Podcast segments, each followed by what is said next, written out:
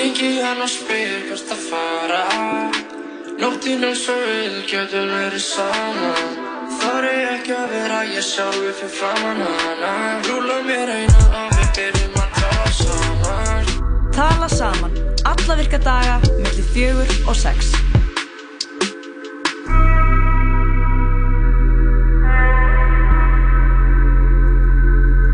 Já, já, já, tala saman.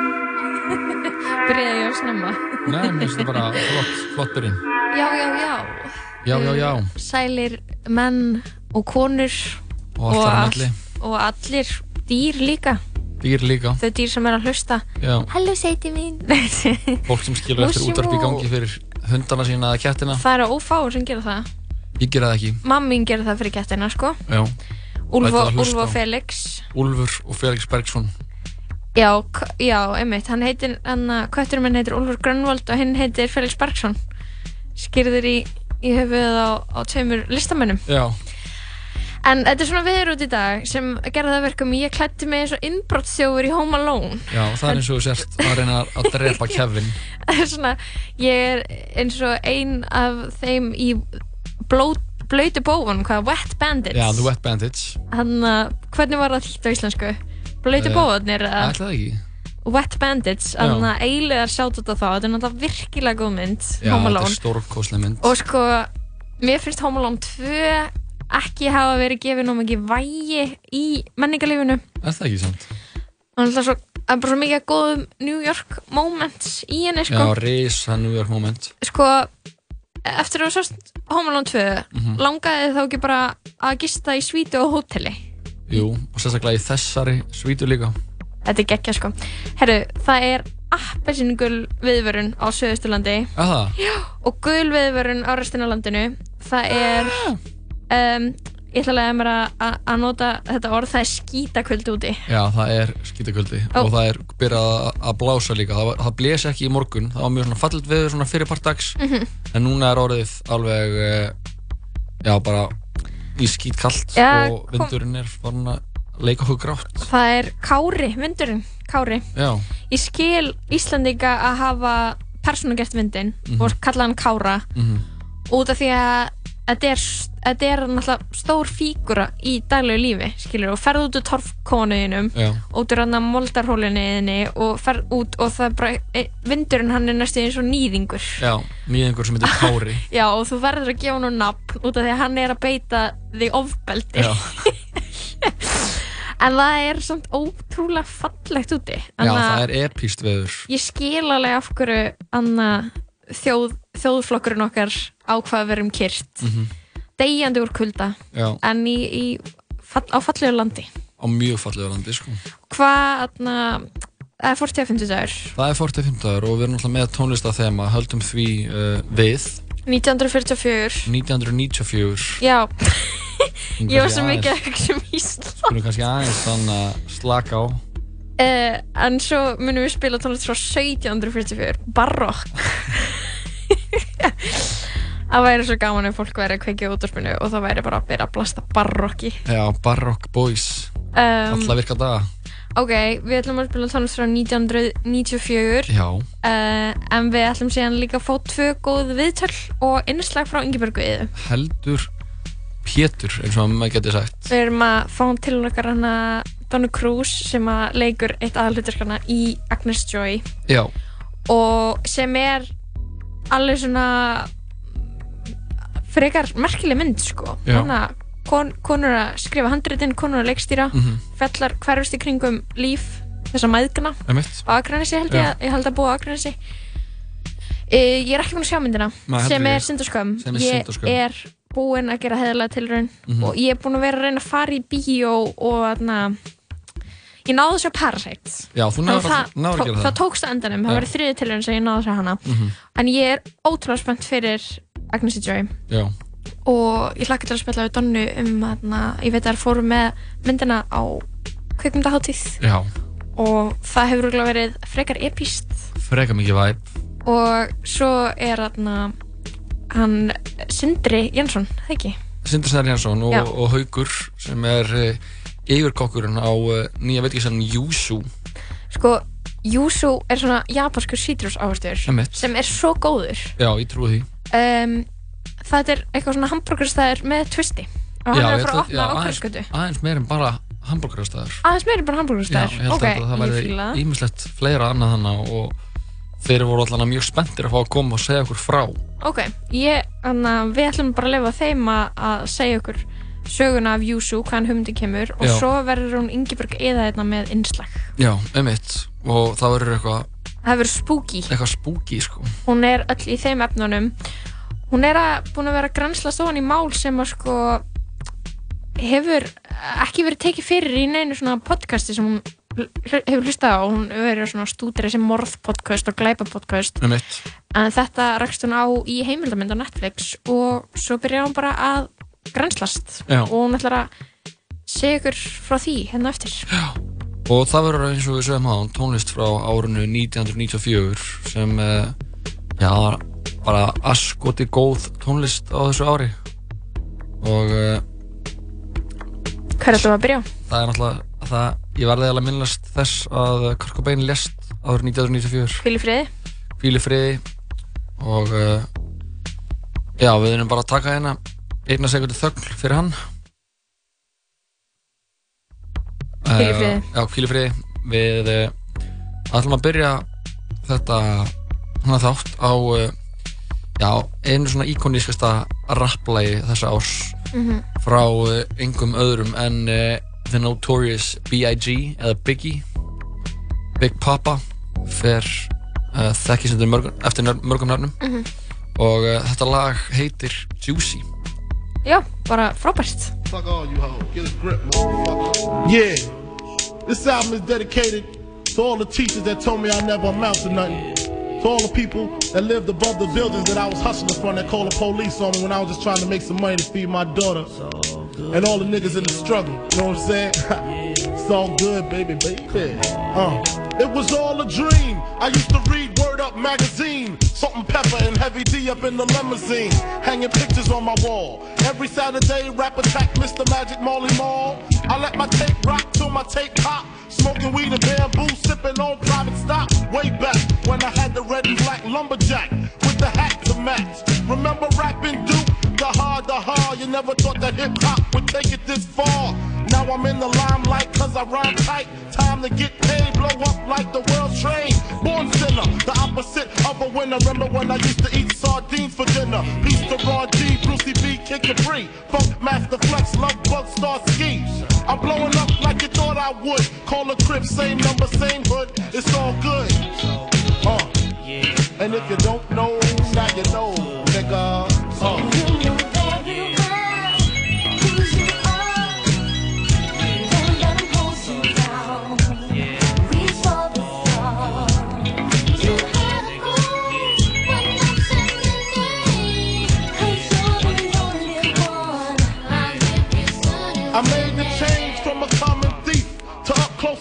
Personal with Robin Leach. And I'm far from cheap. I smoke dope with my peeps all day. Spread love, it's the Brooklyn way. The Moet and Alizé keep me pissy. Girls used to diss me. Now they write letters cause they miss me. I never thought it could happen, this rapping stuff. I was too used to packing gats and stuff. Now honeys play me close like butter play toast. From the Mississippi down to the East Coast. Condos in Queens, in indo for weeks. Sold out seats to hear Biggie Small speak. Living life without fear. Putting five carrots in my baby girl ear. Lunches, brunches, interviews by the pool. Considered a fool cause I dropped out of high school. Stereotypes of a black male misunderstood. And it's still all good, uh. And if you don't know, now you know, nigga.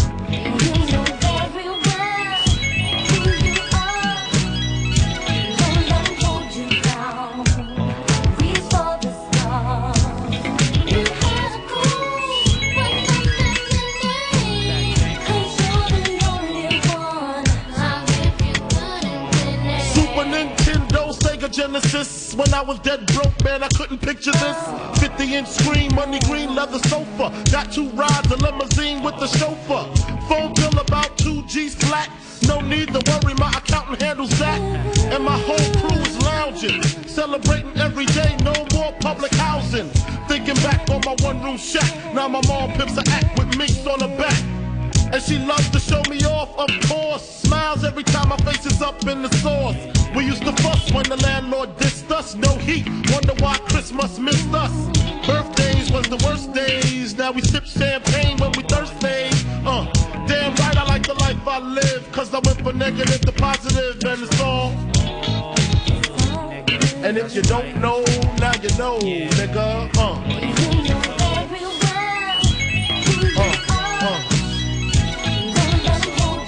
And if you don't know, now you know, nigga.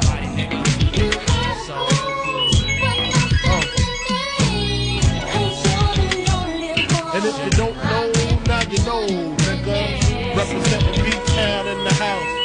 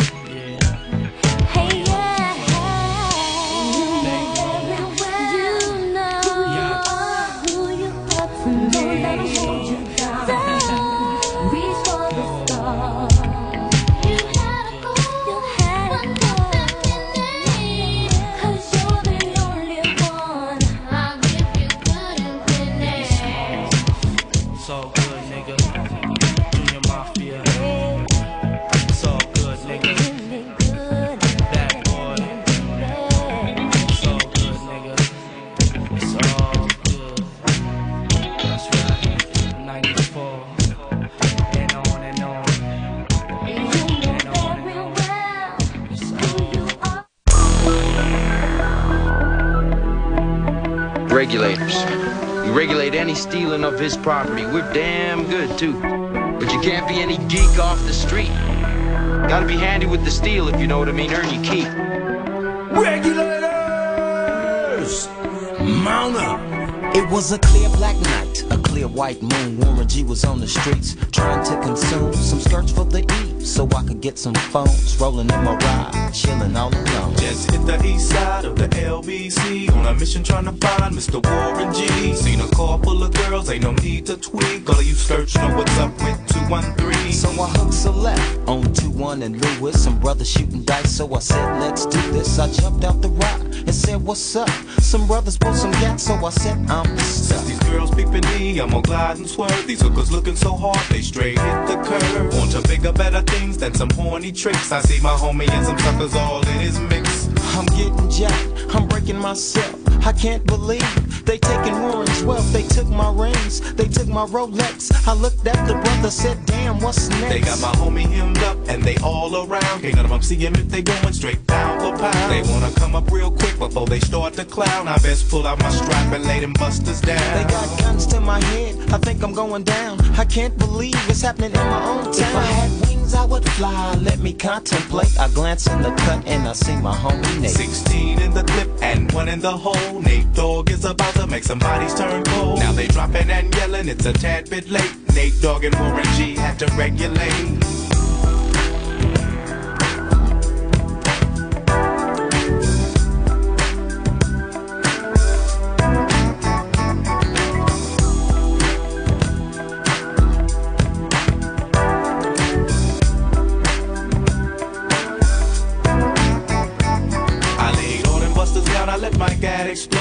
Switching my mind back into freak mode. If you won't skirt, sit back and observe. I just left a gang of those over there on the curb. Now they got the freaks, and that's a known fact. Before I got jacked, I was on the same track. Back up, back up, cause it's on N-A-T-E and me, the woman to the G. Just like I thought they were in the same spot, in need of some desperate help. A Nate Dogg and the G Child were in need of something else. One of them names was sexy as hell. I said, Ooh, I like your size. She said my chords broke down and just sing real nice. Would you let me ride? I got a car full of girls and it's going real swell. The next stop is the East Side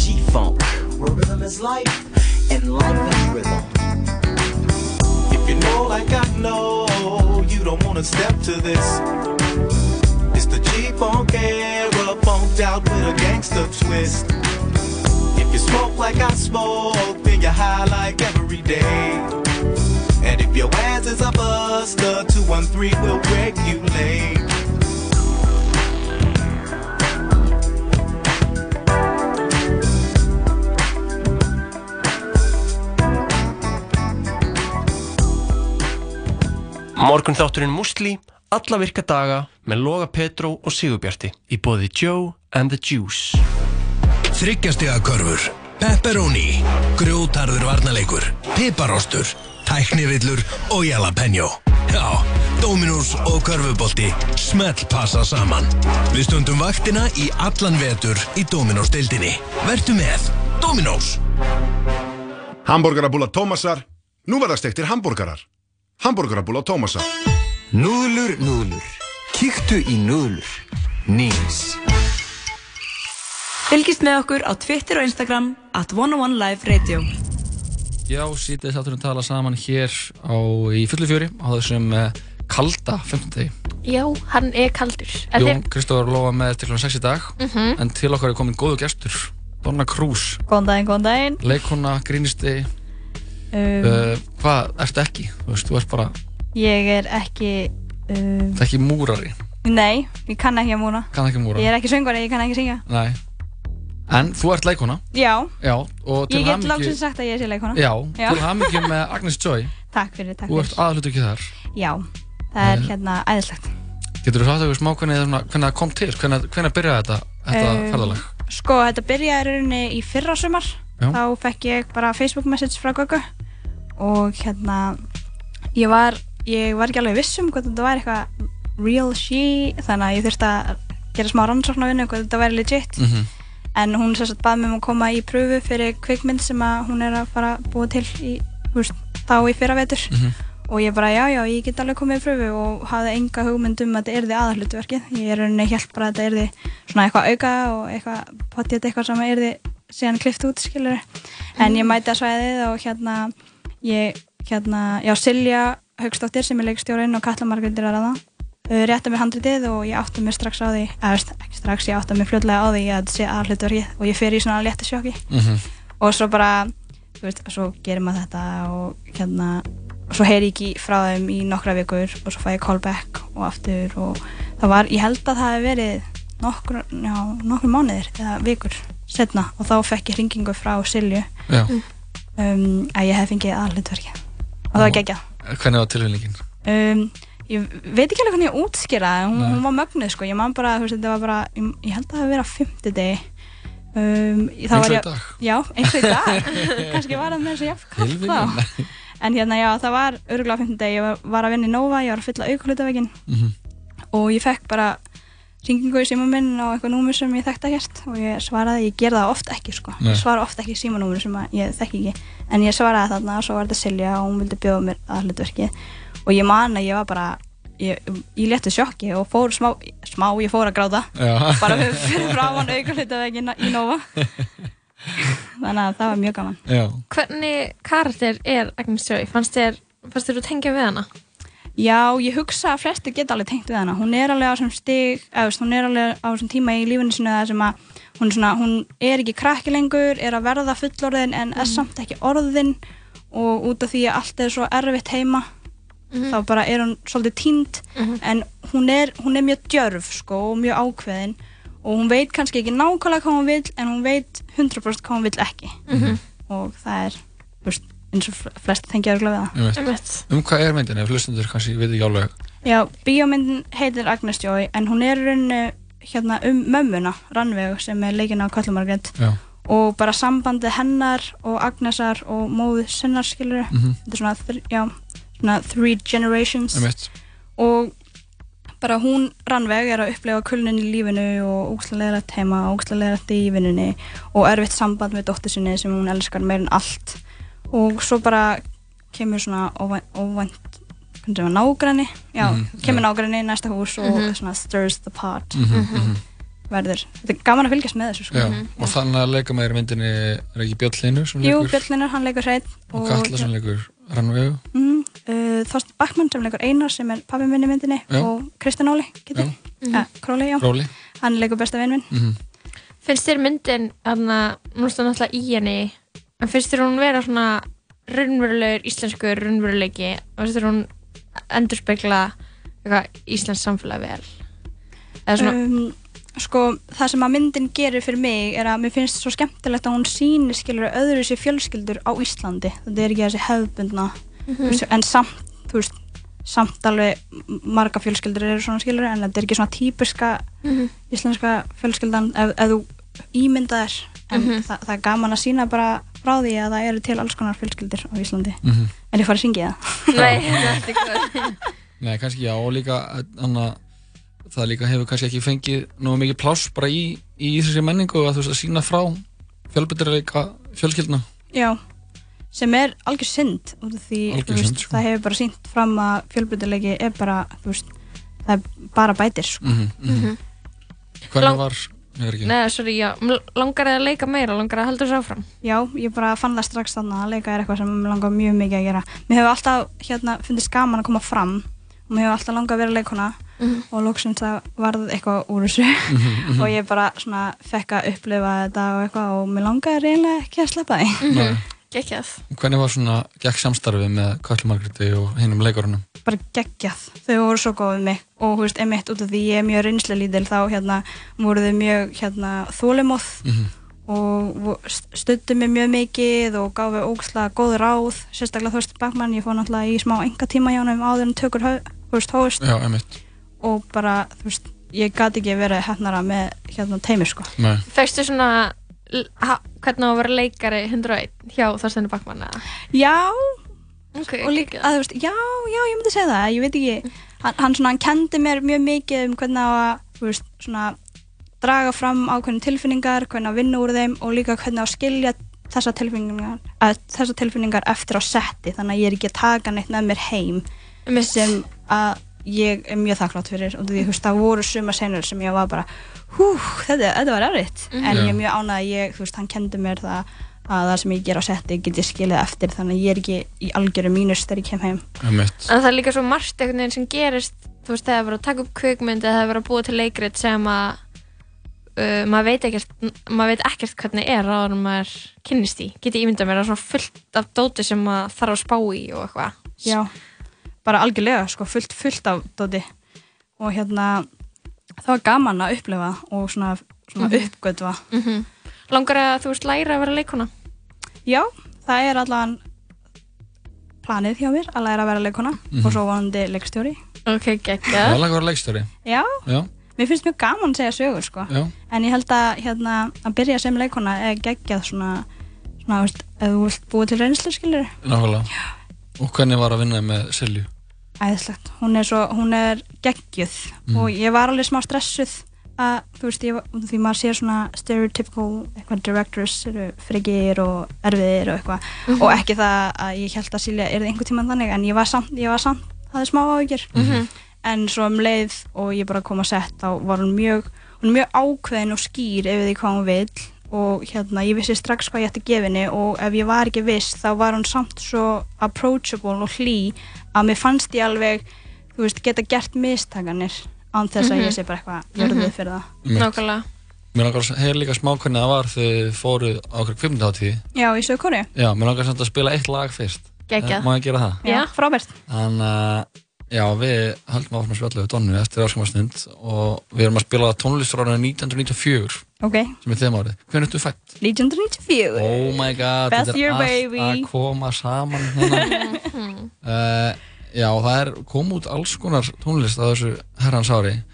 Uh, ég ætla að spila bara eitt hérna klassíst sko með hljómsveitin Blur. Æði? Blur, Þetta er uh, lagið Parklife sem uh, var eitt stærsta uh, lagið á þessu herrans ári uh, mikið svona Britpop stemningi í þessu Mhm. hlustar ekki á Britpop? Nei. Nei. En hlaka til að hlera. Já, við slum bara hlusta á það saman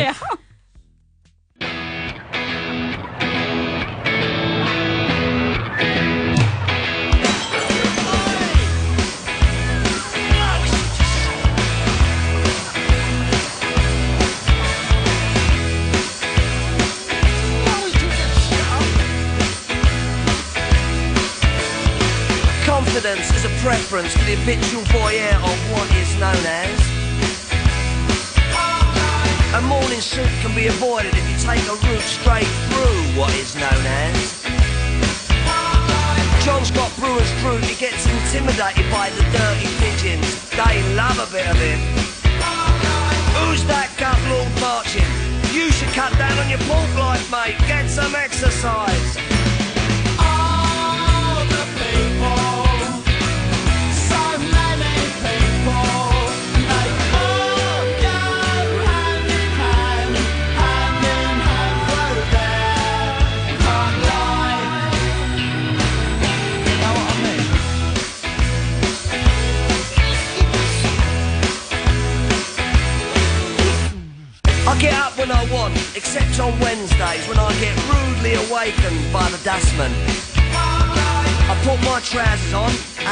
Tea, and I think about leaving the house.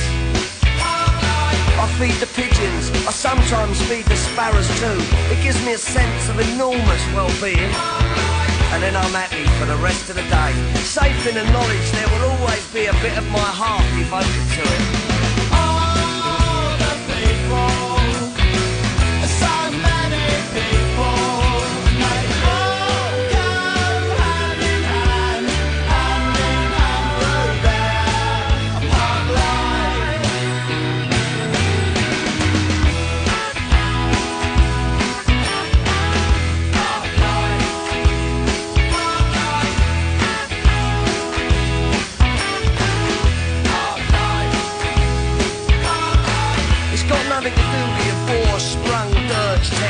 You know.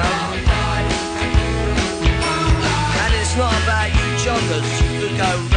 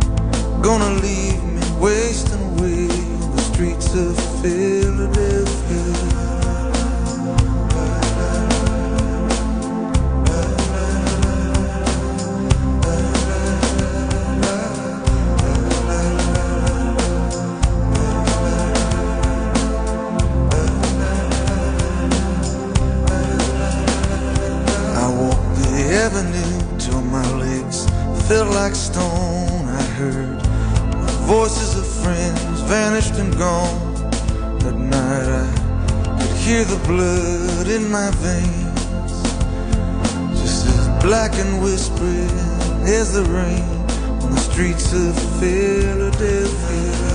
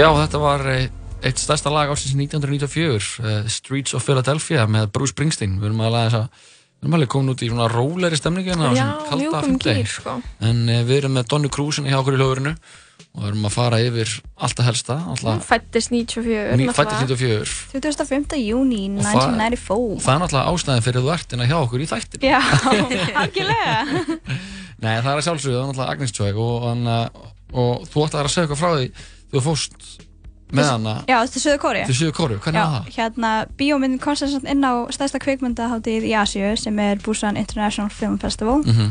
og við heimsfrum síndum hana þar og það var bara geggjað, Mhm. Suður Kóri er geggjað þannig að fólk fær einhvern tímann tækifæri til að fara þangað það er bara um að gera. Í hvaða borg varstu? Ég var í Busan. Ok. En ég hef líka farið til Seúl sko, ég fór þangað í sumar bara í fríi með fjölskyldunum minni. En já, við sem sagt heimsfrum síndum og ég veit ekki af hverju en ég er í rauninni svona gerði minna díl úr þessu en þetta var í rauninu því um leiði ég mætti þá var bara það var bara, herðu, hár make-up og ég er enda að reddaði mig geggjaði kjól frá hérna Another Creation Ok, gett. og svo eftir sýninguna það bara myndaðist raðir af fólki sem bara vildu selfies og autographs og eitthvað sem að ég bara, hvað, hvað er það? Það sem að gerist ekki á Íslandi en það var bara mjög skemmtileg upplifun ótrúlega gaman líka og því ég var smá stressuð Já. og því hún var á íslensku en hérna var með kóriskan texta og ennskan texta ég var smá stressuð og myndi kannski ekki alveg skila sér þú veist, hinum einu hnettin skilur Nei. en fólk bara tengdi rosalega mikið við hana og var ótrúlega ánað að sjá svona í rauninni um, perspective from a woman ef ég má sletta það Já, já, einmitt, Já, einmitt. það er svo fyndið, ég var, ég var einmitt að horfa á sögur kóriska myndi gær og það skiptir eiginlega ekkert máli hvar myndir gerast ef það eru góðar. Þú veist, við erum bara, við eigum, þú veist, heimurinn á bara svo mikið sameiginlegt. Mhm. Núna, það er bara, all, það er allir, eða veist, það er ekkert allir að díla við það sama en samt svona tækni er búin að færa okkur geðið nálægt hvort það eru. heimurinn er ekki stór og hann var einhvern veginn tengjast allir Já, hann er bara pingu lítill sko.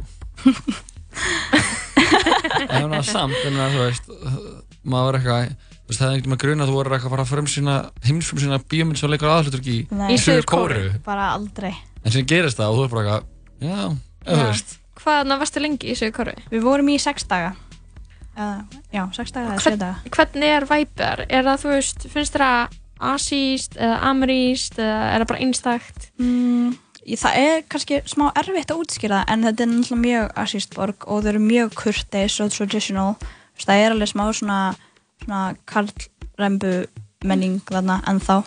En þú veist, internetið er mjög hratt til dæmis. En ég held að ástæðan fyrir því er út af því að þetta er svo ógslag mikið fjölm eða þú svona dense city að það þurfti bara að leggja inn mjög stert svona fíber internet. En hérna bara, þú veist, þetta er í rauninni hvernig segir maður, þetta, út af því að þetta er í Asíu þá er þetta third world country en samt first world country. Já, ég, ég, það er erfitt að Mhm. útskýra í rauninni. En það er eitthvað svona víst bara geðveitt mikil misskipting að það er að bæði ótrúlega ríkt fólk og svo bara mjög mikið fátækt líka sem er eitthvað svona æ, það sem það, það er sem myndir sem ég sá í gær var um sko. Já, já, já. og þú veist það er það er smá crazy eitthvað. Já, mér langar að þetta að fara ángað Já, það er geggjað sko Hella að jamma þarna. Já, er það? Það hella. Ég Oh misti mig kannski aðeins. Hvernig er jammið? Ó, ég vil ekki segja, ég skammast mín smá sko. Nei, þú verður að segja það Ok, hérna við sem sagt heimsum síndum á laugadegi, ég mann og hérna eftir á þá fór ég á svona kokteil eitthvað kvikmynda eitthvað Mm. kokteil bla bla bla Mhm. og það voru tveir Íslandingar sem að horfðu sérst á myndina sem búa þarna eru skiptinemar og ég fór á jammi með þeim og fekk mér nokkla nokla, nokkla, Nokkla. nokkra Nokkla drykki. Nokkla drykki. nokkra drikki, nokkra tequila og tequila sunrise og hérna, ég veit ekki hvort þið vita af þessu en ég sér læraði s- að æfði smá pole fitness fyrir myndina Agnes Joy. Já, og við fórum á skemmtistað með Súlu í Söðakóri oh og Agnes Joy let sjá sig. Fórum bara á stöngina? hún let, já, sjá sig í smá stund. Það var, var klikað Oh my god, áttu vítja yeah. sem betur fyrir ekki það er alltaf gott. En það er svolítið ekki margir sem getur sagt mér Já, ég hef hann að dansa súludans og skemmtist það í sögu kóru eftir Já. að hafa frumsýnt. Já, Ég það, menn sem leika aðsveit ekki að þú setur bara, þú ert, við erum að tala með heimurinn sem lítill og skrítið, skrítin sko, að þú ert alveg að gera ótrúlega hlutir sko. Já, þetta var upplifun mjög skemmt oh my god, já, reyndar mjög skemmtilegt hérna, það voru tveir Íslandingar sem ég jammaði með Já. og svo fóru við aðal jamgutuna og við erum eitthvað að fýblast að hlæja og eitthvað og svo allt henni heyri ég bara Gunnar Grús! Og ég bara, oh my god, hver þekkir mig hérna Já. og það var svona annar Íslandingur sem að við, veist, við þekktum ekki neitt, var ekki neitt með okkur og hann Nei. sá mig bara Já, og þá var ég bara, vá, hvað heimurinn er lítill Bara út á gutt í Já. Söðkóru ykkur er bara Donna Cruz Já, þannig að við endiðum að jamma með honum og það var bara gaman Geðveikt. Er marg, uh, bara tilurinn að gast sett í samband við ykkur Íslendinga eða vissum Já, eitthvað af þeim? þeir, nei, ég vissi ekki að þeim sko, þeir hafði samband við mig bara gegnum Instagram og svo voru þau saman í þessum cocktailpartí og ég var eitthvað, það var smá púk í mér þannig ég bara, herðu, ef að þið eru að jamma þá er ég alveg til að jamma með ykkur Já, þarf bara- maður ekki að jamma eftir svona frumsýningu? Já, smá svona Rossevi jitters og Já, eitthvað. Hvað tekur við núna? Er, er það að fara á fleiri kvimdáttíðir eða er það bara Mm. Back to normal life? eða? Ég er eins og staðan er í dag, þá er bara back to normal Mhm. þú veist, ég er bara að fara aftur skóla og reyna, þú veist, hérna bara að klára það Mhm. uh, og svo bara, ég veit það ekki, ég heyri eitthvað frá framleiðendunum ef það, ef það eru fleiri kvikmyndahandir, ég held það en ég get ekki alveg staðfesta Nei, nei, nei. Já. Geggjað En Það var bara gæðið að fá þig í heimsókn Já, takk fyrir að hafa mig, þetta var mjög gaman til hamingju með þetta Þetta er bara epíst sko. Takk fyrir, takk fyrir Og við kveitum alla til að skella sér í bíó, styrka íslenska kveikmyndainnan Já. og sjá hvað þið voru að bauka. Já, og við ætlum kannski að gefa að miða en á Instagram hjá okkur Aldrei að vita þannig er það ekki? Gafaleikur. Gafaleikur Elska gjafaleiki. Óngríns best í anna, bestu leikinir best í heimi. En Donna Knús, enn og aftur, takk hjá fyrir komuna Já, takk fyrir Og neglum ég eitt lagina frá árunni 1994 Þetta er að læja At best, at your best, you are love Let me know,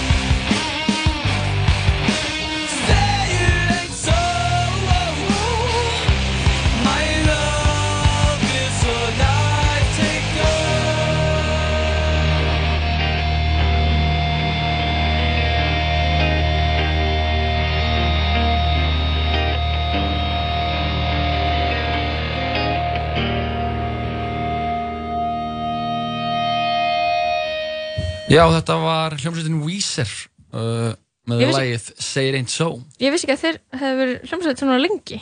Jú, þetta lag uh, kemur út 94 sem er þema árið okkar í dag í tónlistavali Mm. og uh, já, líka, eða þú veist, þetta er að plötunu, samnefndir í plötu, Weezer lagið Buddy Holly kemur líka út hana sem er huge lag en uh, við vorum að kveðja Donny Cruz, Meistari. ég er fucking mestari maður, Algjör meistari. algjör mestari Meistari. Hún er að leika aðhluturki í kemdini Agnes Joy uh, sem er í leikstjórn Silja jú. og uh, hún og Katta Margrét leika svona aðhluturkin í myndinni Við hérna hvetjum alla til að kíkja á þetta. Þetta er alltaf í Bíóparadís, Háskóla Bíó, þetta er út um allt. Þetta er um eld Það er, hvað er 24. í dag? Já, hún er syngt núna halv tíu í kvöld í Bíóparadís. Já, bara, Hvað er meira næs? við ætlum bara að segja ykkur kæri hlustendur að drulli ykkur á þessa mynd.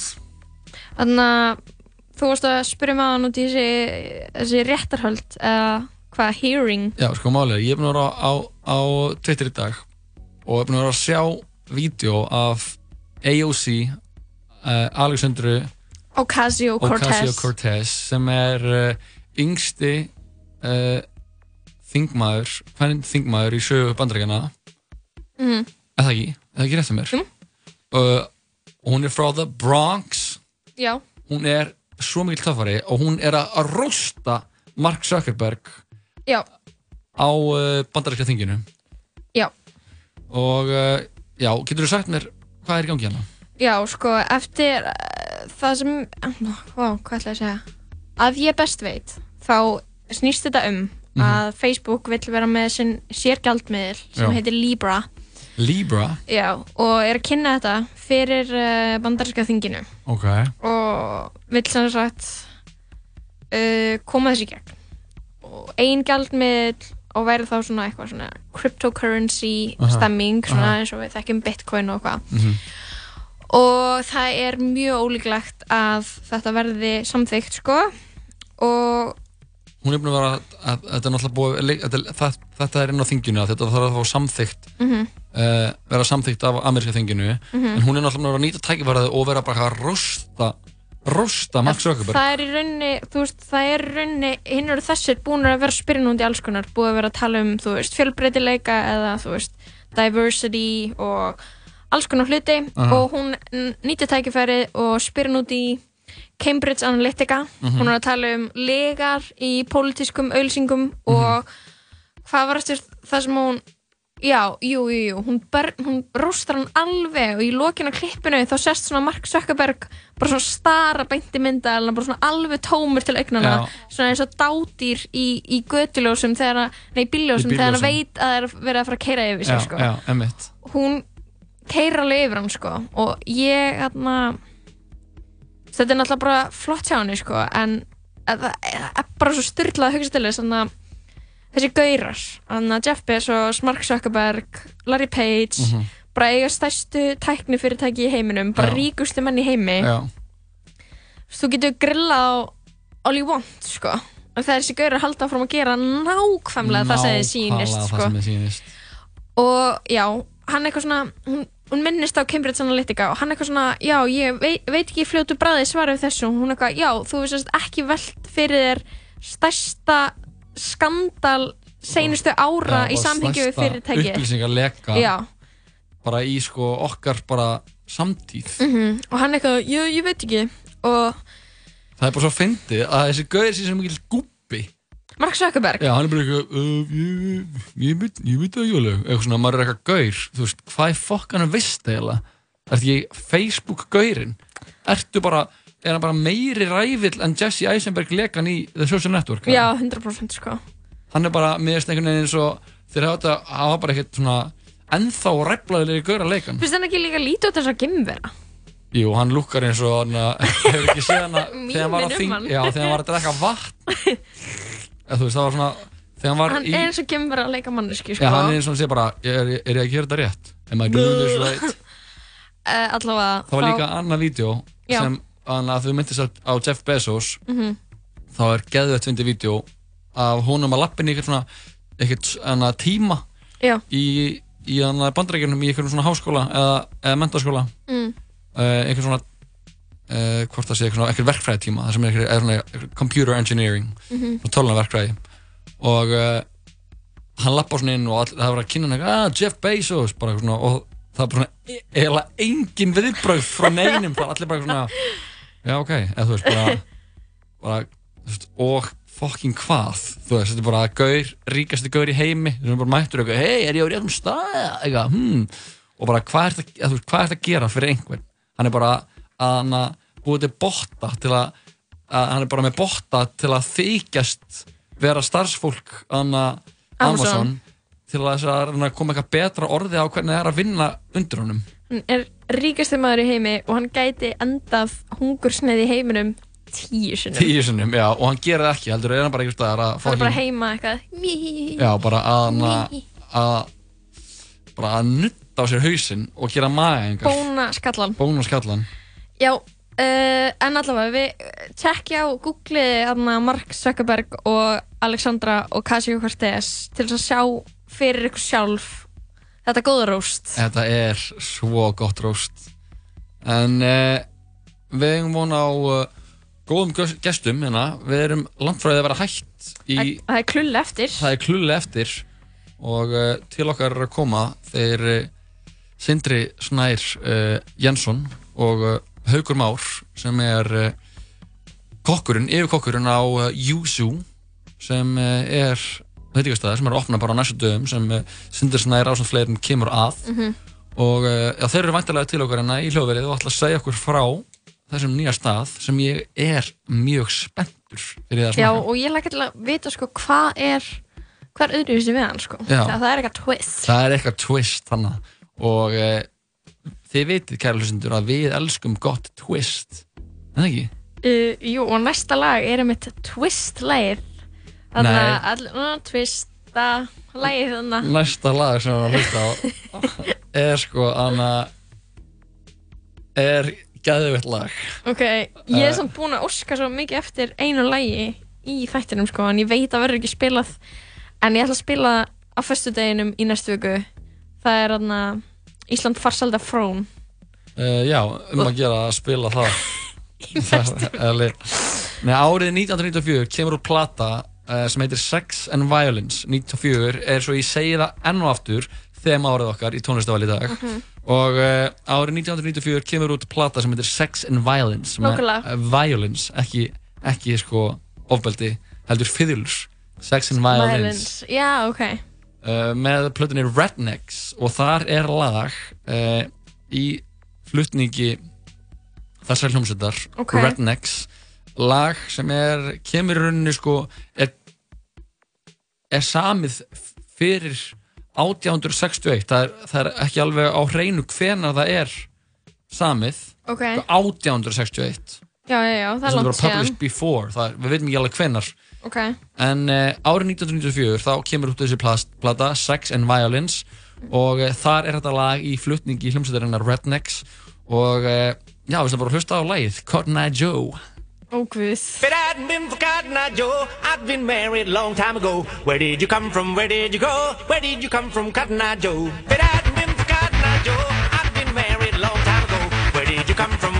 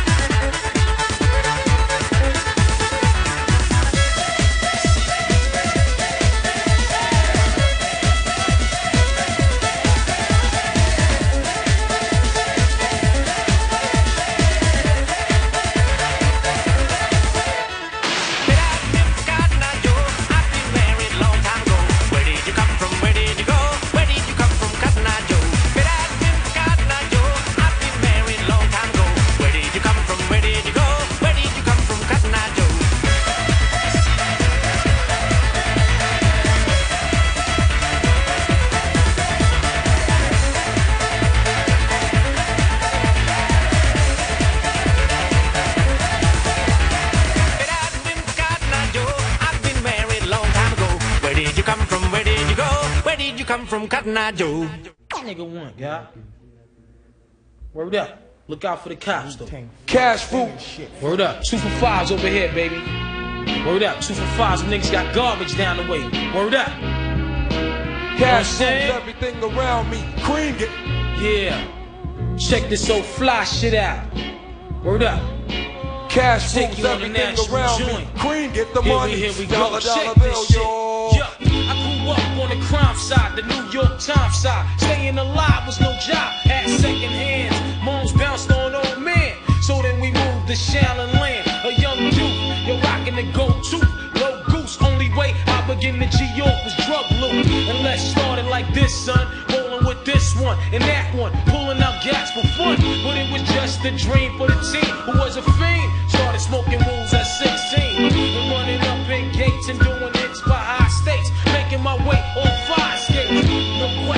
Speed for cracks and weed. The combination made my eyes bleed. No question I would flow off and try to get the dough off. Sticking up white boys on ballboards. My life got no better. Same damn low sweater. Times is rough and tough like leather. Figured out I went the wrong route. So I got with a sick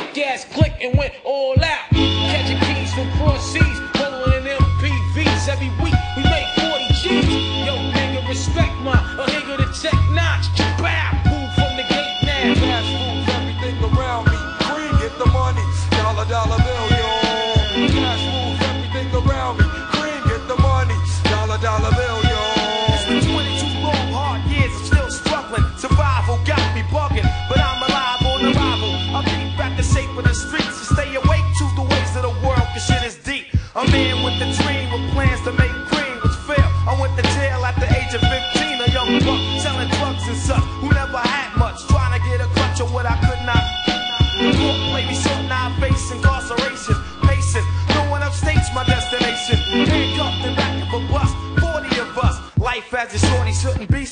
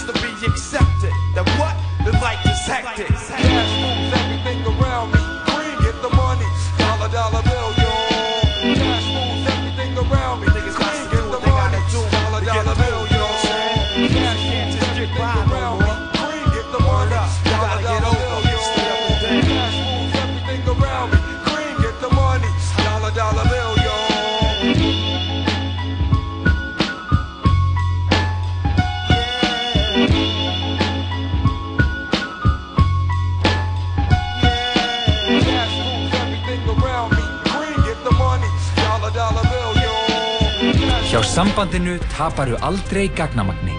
Sambandi. Símafélag framtíðarinnar. Mmm, þetta er góð matur. Skál, hlemur matöll.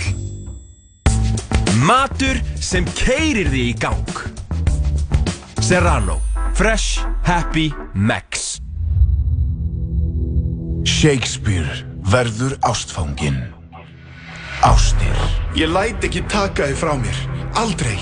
Svik. Komdu með handrindi! Gríftu þeirra hensló! Náið honum! Örlög. Þú mátt ekki giftast honum, alveg sama hvað drottningi segir. Allt sem þú helst að þú vissir var ránt. Shakespeare verður ástfanginn. Komin í bí... e- Nei, já. Komin í þjóðleikhúsið. Miðasala er í fullum gangi á leikhúsið.is Þú finnur fréttir, þætti og tónlist á heimasíðun okkar 101.live Já, síðan sattum við að tala saman hér í fullu fjöri á þessum kalda fimmtudegi. Við vorum að klára að hlusta á uh, Cream með hljómsunni Wu-Tang, Mhm. legendary lag sem kom út á þessu herrans ári, þema árun okkur í dag, 1994. En hingað í sitjastáttunni er komið með góða gesti. Það eru þeir Sindri Snær Jensson og Haugur Már Haugsson sem koma að. Haugur, þú ert yfirkokkur á Júsu ekki satt? Jú. Og uh, Sindri, þú ert eigand, einn eigandum og kemur að reksturum. Já, nákvæmlega, bara Verið- einn af okkur þremur stofnundum, það Já. er Jón Davíð og, og Haugur. Einmitt. Verið velkomnir. Takk kærlega fyrir. Hvernig hafið þið í dag? Toppmálum, það er nóg að gera að hlaupa- búin að hlaupa út um allt hérna dag Já Við höfum mjög gott, ég er hérna, verðum þetta að fá að hrósa Haug fyrir að setja kjör. Ég hef ekki séð hann setja kjör hann bara í marga vikur núna. Mér finnst það mjög þægilegt. Ég bara... Getið þið sagt mér smá hann að hvenar, að þið eru að opna veitingast að Júsu, Mhm. uh, núna bara næstu dögum, að koma þessi hugmynd til? Uh, hugmyndin er í raun og veru alveg talsað gömul sko, Já. uh, fimm ára eða eitthvað svoleiðis. Já, ok, ég og, og hérna, Jón hefum hugmynd um svona tegund af hambúrgurum Mhm. sem er aðeins ferskari og í svona guðböku brauði og með þessum uh, asísku brauðum og þá sérstaklega svona japanskum. Mhm. Svo hérna kynntust við Haug þegar hann kom að versla mikið á okkur í Húra Reykjavík Já. og þá var hann yfirkokkur á hérna, grillmarkanum. Ok. Fórum mikið að borða í honum og erum góða vinnir og hérna, og, og hérna komum svo fljótt á því að Ástriða Haugs liggur helst í asískri matagerð og þá sérstaklega japanskri Mhm.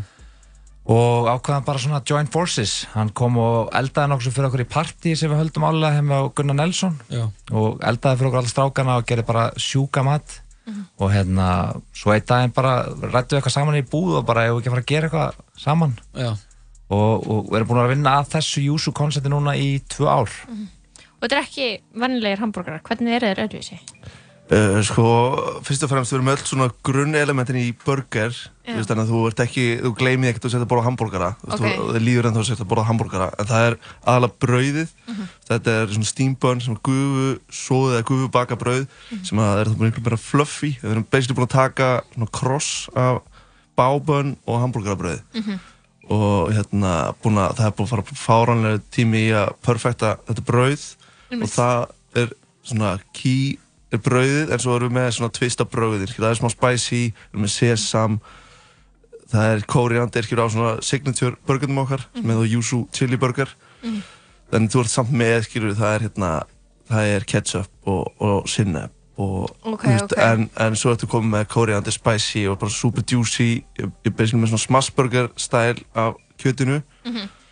og sem það pönnustegt nautakjöt ekki nema þú vilja svo fá vegan option eða Mhm. kjúkling eða veist, svepp og, og hérna, já, basically að það er þetta, það er þetta spicy svona aðeins meiri síra Mhm. þú veist, það kemur þetta yuzu brað veist, yuzu er japanskur sítrusávöxtur sem er mjög svona einkennandi brað Mhm. það er öðruvísi, veist, sem sítrus þetta sítrunur, lime þetta er bara svona allt, allt annað brað Mhm. og það kemur smá svona í gegnum veist, seðilinn, það poppar alltaf upp Mhm. yuzu, svona hér og þar Þannig að þetta er ekki þetta bacon og barbecue sósa sem við svona þekkjum helst sem hambúrgara og eiginlega öll bara elskum sko. Þetta er alveg bara anstæða sko. Já, já. Þetta er, það er held ég hvergi hægt að fá nema kannski á nýja starfnúta granda svona steamed bun dæmi á Íslandi Já, er það nokkuð? það hefur verið já, það hefur verið vagn skilur með hérna, með steambun Já, já, gaurum. já. en svo er þetta þetta er, að, þetta er ekki 100% bara eins og steambun bábun það er svona annað textúr á því svona Já, ákveðið, já, svona já. meira chewy einhvern veginn þetta er svona bara er svolítið eins og býta bara í svona skí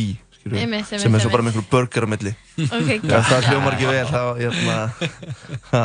Er þetta, þú veist, Anna er þetta, er þetta þing eitthvað staðar í útlöndum eða er þetta eitthvað svona trend í New York eða eitthvað það er alveg til staðir sem er svona tvist af þessu svona uh Aha. burgera með svona uh, hérna svona austurlösku bróðum þessi tvisti á Já. en já þú veist við erum svo er náttúrulega það sem ég held að sé líka svona mál með Júsú er að það er líka fullt á öðru réttum en það er ekki bara hambúrgarastæður Já, ok, nice. það eru alveg slatt af svona Mhm. smá réttum skilur bara grilla græmeti, grilla rækjur tempúra réttir, edamame bönir þannig að þú, þú ert ekki bara að koma í Já, við vorum með, með hérna, smá smakk í gær þegar voru að keira í gegn kokkarnir fullt af réttum fyrir hérna, fólk frá Ölgerinni sem er með okkur í þessu og þú veist, það var rækjur, réttur en einhverja kongarækjur með passion fruit dressingu. Og það var eitt gæði sem að setti þetta bara upp í sig sem vinnur Ölgerinni, hann fór bara að skelli hlæja. Já. hann bara fór í látuskast hann bara, hvað, hvað, djú það var gott maður. Hvað er það í þessu? Þannig að hérna, það var eiginlega ógeðslega gaman að sjá viðbyrjun hjá þeim. Að við erum ekki búin að elda þetta allt einhvern veginn mjög oft. Nei. að sjá viðbyrjun hjá þeim bara við smáréttunum að við erum búin að vera að segja út af við þetta er Júsuburger og þetta er hambúrgarstæður en seðlinn er þannig að smáréttinir verða örgla jafn vinsalir ef ekki vinsalir enn hambúrgarnir sjálfur Mhm. Einmitt. þú veist, Hauko var að gera í gær bara eitthvað sæta kartöflum með eitthvað brjálum dressingum og portobello svepp með eitthvað spicy stöffi og, og hérna aspas og brokkolini Brokkolíni. og Brokkolíni, Brokkolíni. ég veit ekki hvað og hvað, þannig að hérna, Er svona high-end sko? Þetta er alveg bara high-end svona japanskur, asískur matur einhvern veginn til hliðar Mhm. með hambúrgurum sko. Þú veist, ég er með bara svona tradisjónal Yagatori Cola grill anninni, Ok. sem er það bara sem er fyrir grillagaræmiti svona miso marinera kjúkling Mhm. og hérna eins og það var að tala um þess að passion fruit, svona chili, sesam, lime rækjuréttur sem Það er svo geggjað að sé hægt að fá eitthvað annað heldur en sushi Einmitt. af því að það er einhvern veginn enginn búin að vera að gera neitt annað Nei, heldur en sushi einmitt. og það er bara eins og það sé bara að fá pítsu Já, pizza og sushi Pizza og sushi. Einmitt.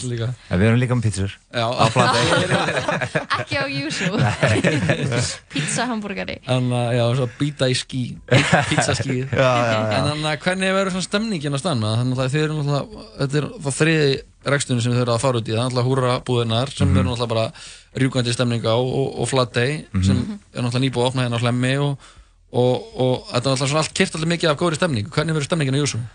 Já, eins og hérna vorum að tala um áðan þessi koncept með svona mat þekkjast alveg erlendis en þau eru oft í svona smærri útgáðum einhvern veginn, þau eru svona hálgera bullur einhverjar og allt er góð með það. Við svona einhvern veginn expandum þetta aðeins. Þetta er alveg 230 fermetra staður. Já. og við getum alveg verið með á milli 60-80 manns í sæti Mhm. jafnvel meira og tekur lánsið og barinn og eitthvað með.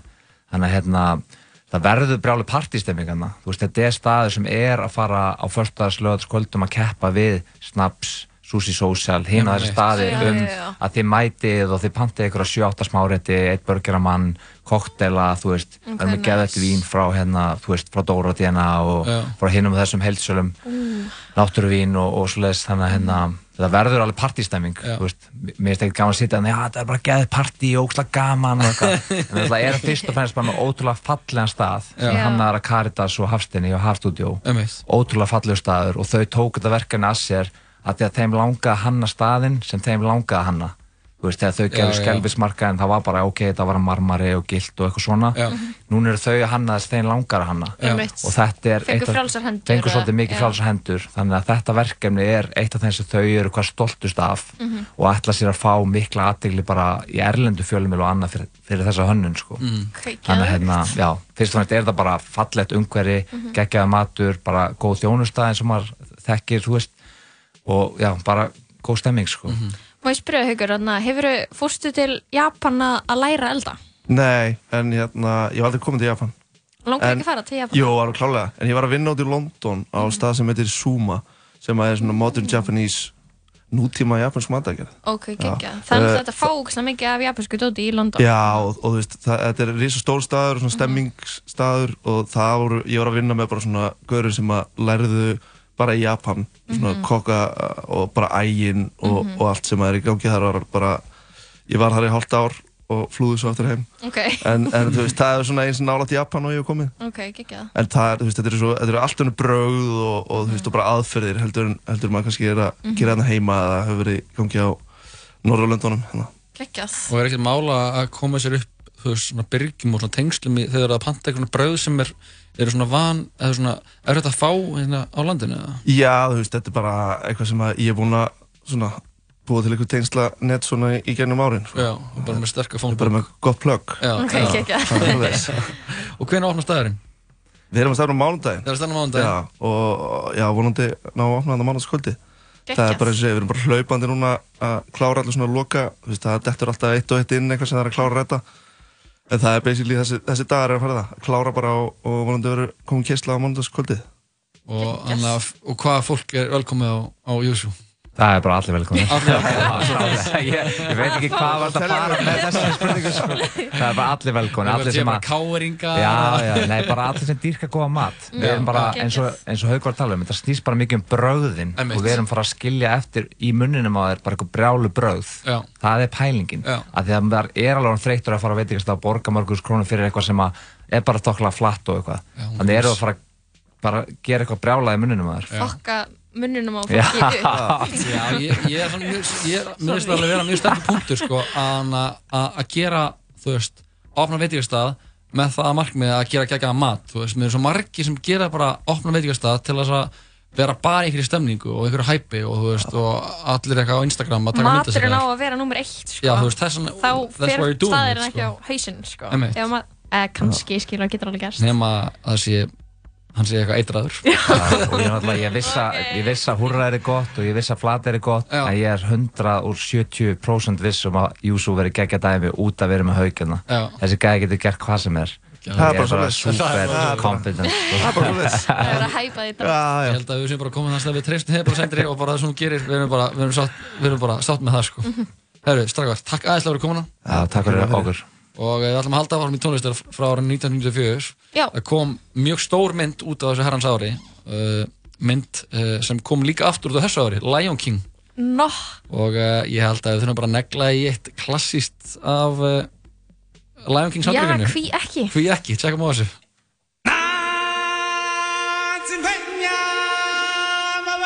Chihuahua. From the day we arrive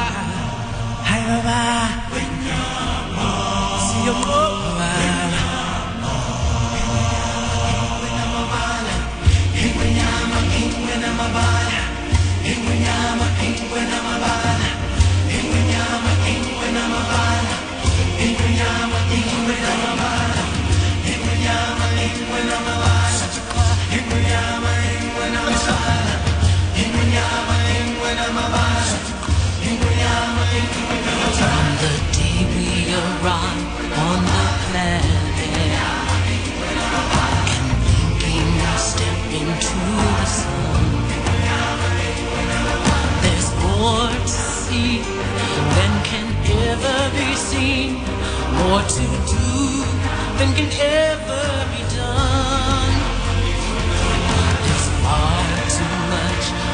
take in here. To find than can ever be found. But the sun rolling high through the sapphire sky keeps great and small on the endless round. It's the circle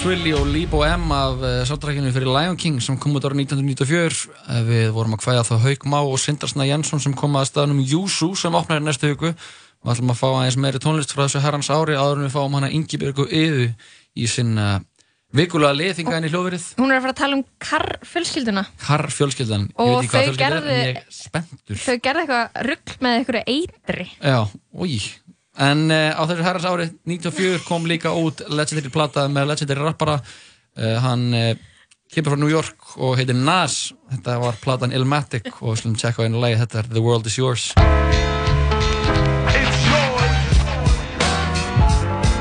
Whose world is this? The world is yours. The world is yours. It's mine, it's mine, it's mine. Whose world is this? It's mine, it's mine, it's mine. Whose world is this? The world is yours. The world is yours.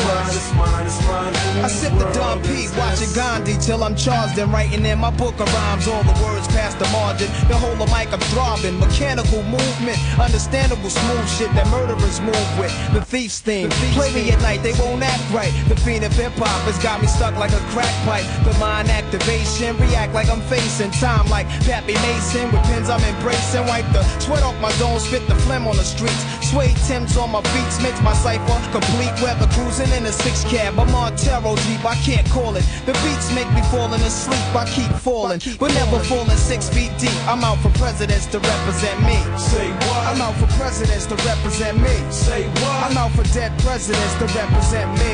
Whose world is this? The world is yours. The world is yours. It's mine, it's mine. Whose world is this? The world is yours. The world is yours. It's mine, it's mine, whose world It's mine, it's mine, it's mine, whose world is this? The world is yours. The world is yours. It's mine, it's mine, whose To my man Ill Will, God bless your life. To my peoples throughout Queens, God bless your life. I trip we boxing crazy bitches, aiming guns and all my baby bitches. Beef with housing police, release scriptures that's maybe Hitler's. Yet I'm the mal money, getting style, rolling foul. The versatile honey, sticking wild, golden child, dwelling in the rotten apple. You get tackled, a caught by the devil's lasso. Shit is a hassle. There's no days for broke days. We selling smoke pays while all the old folks pray to Jesus, soaking their sins in trays. A holy water, odds against nods and slaughter. Finger the word best describing my life. To name my daughter my strength. My son and star will be my resurrection. Born in correction, all the wrong shit I did. He'll lead in right direction. How you living larger, broker, charge cards are mediocre. You flipping coca, playing spit spades and strip poker. Poker. It's yours. It's mine, it's mine, it's mine, whose world is this? Is yours. The world is yours. It's mine, it's mine, whose world is this? It's yours. Mine, it's mine, it's mine, whose world is this? Yo, the world is yours. The world is yours. It's mine, it's mine, whose world is this?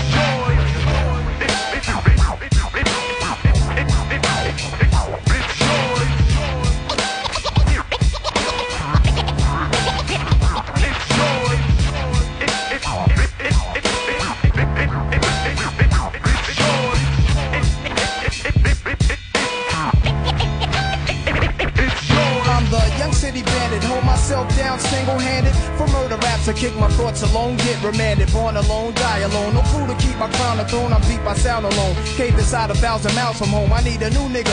For this black cloud to follow, cause while it's over me, it's too dark to see tomorrow. Trying to maintain, I flip, fill the clip to the tip. Picturing my peeps, naughty income, make my heartbeat skip. And I'm amped up, they like to champ up. Even my brains in handcuffs, headed for Indiana, stabbing women like the Phantom. The crew is laughing, Big Willie style.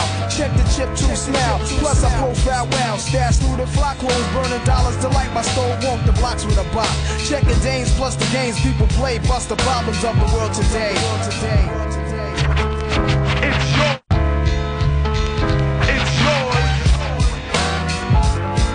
Whose world is this? The world is yours. The world is yours. Heimurinn er þinn. Heimurinn er þinn, þetta er að sjálfsögðu Nas Nasty Nas af Pluton Illmatic hans fyrsta plata sem kom út ára 1994 Lægið heitir The World Is Yours eða Heimurinn er þinn Heimurinn er þinn, Jói. Nei. Heimurinn er þinn, Nei, heimurinn minn. Heimurinn er þinn, já En Ingeborg yðar þetta með okkur og kannski er heimurinn hennar. Það má vera. Er heimurinn þinn, Ingeborg? Ég er rétt svo að vona ekki. Það væri bara ómikið lofbyrð. Nei, það er Ingeborg, þú ert hérna komin, byrjum við vikulegan uh, lið í þættinum Já, heyrðu, ég veit ekki alveg ég er búin að setja á mig svo mikla ábyrðir að vera alltaf með vikulegan lið að ég er alltaf, nei, þetta ekki þetta er náttúrulega, eitthvað, ég er lítil ábyrð en ég er bara búin að vera að leita að málum í þessari viku Mhm. sem eru, þú veist, áhugaverð en eru ekki eitthvað svona bara ógeðslegt, fatið þið? Já, Ok, að finna þarna balansið Já, þú veist, það er ekkert gaman að hlusta á okkur svona bara ógæslega leiðilega morð eða þú veist, eitthvað svona samsæriskenningar sem að maður er bara, mann líður gett illa eftir það, eða fattu þið hvað ég meina? Það þarf að vera áhugavert Já, og svona morð. spicy, Já. svona caliente Góð morð. Bjartur segir í Jonah Juice auglýsingunni Caliente. Caliente En já, ef ekki bara dömpa okkur í þetta Jú, eða- þú má bara, bara please sko. Hvað er það að fara að tala um? Herðu, karfjölskyldan og eitrunin á karfjölskyldinni að er viljandi gert svolítið svona veik titill þannig ég sé ekki að gefa neitt. Mhm. því að ég var með annan titill yfir þetta en svo er ég bara eitthvað, nei, ég ætla að geima þetta þannig að það verði svona plot twist. Ok, ok. Ok, eru þið tilbúin? Jeps. Staður og stund. Florida eða Florida. Florida. Þeir eru að stað Lokars. Florida. Lokars 1988 Pie og Peggy Carr eru hjón og þetta er setna hjónabandi hjá þeim báðum.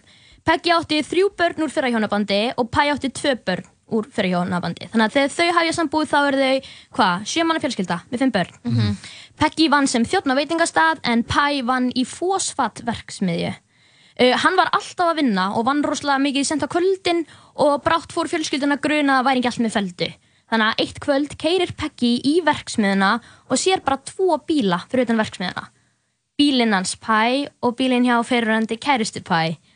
Og þannig að allt fyrir í háaloft og Ah. eftir að komst upp um framhjáhaldið fara, fer Peggy með börnin sín þrjú sem hann áttu fyrir hjónabandi Já. á mótel og skilur eftir bréf fyrir Pæ og það stóðu bara eitthvað svona ég vil að þú fáir tíma til að hugsa um sambandið okkar og eitthvað, ég vil ekki lifa án þín en ef þú vilt mig ekki lengur þá skal ég reyna. Bara eitthvað svona ógeðslega dramatíst en hún greinilega elskar hann geðið mikið og hann er bara eitthvað að halda fram hjá henni.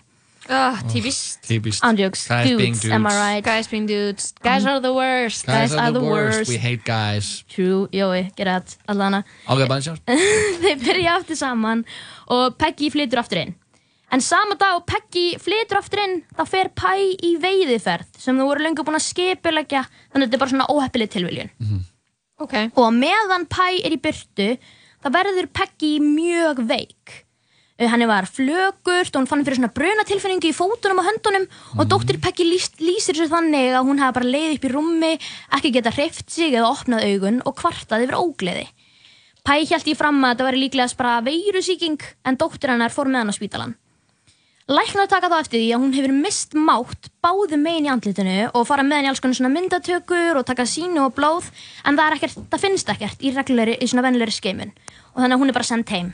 Ok En daginn eftir þá líður henni ennþá verð og börnin hennar fara aftur með hann á spítalan og Pæ sem er komin tilbaka á þessum tímpúndi er bara eitthvað svona að ég ætla samt að fara í vinnuna eitthvað, víst, mm. greinlega ekki taka svo alvarlega. Ok Skítæl. Reyndar rétt, sko Ok, á spítalanum. Tekur læknir á mótenni og þegar hann svona hann hún er lögð inn Mhm. og þegar hún er reist við þá tekur hann eftir því að það er svona ótrúlega mikið hár á kottunum uh, Ok. Þannig að það er svona ótrúlega mikið svona hárlós í gangi. Mhm. Já, já, já. og hann þekkir bara eitt sem að, leið, sem að leiðir til þess að það sé ótímabundið mjög mikið hárlós þannig að hún er sett í alls konar uh, prófanir og hann grunaði að þetta veri þallín eitrun thallium poisoning og Ok, þetta er annarkvort what? þýtt sem sko thallium eða þallín á íslensku Ok. og við ætlum að kalla, kalla þetta þallín hér eftir Þallín. Hvað er það? Það er bara uh, þungur málmur, svona heavy metal, bara frum efni Mhm. sem að var notað sem myndireiður út í bandaríkjanum. Þetta var bannaður 1972, þannig að þetta er bara eitthvað svona ókslega stjálgeft efni. Já.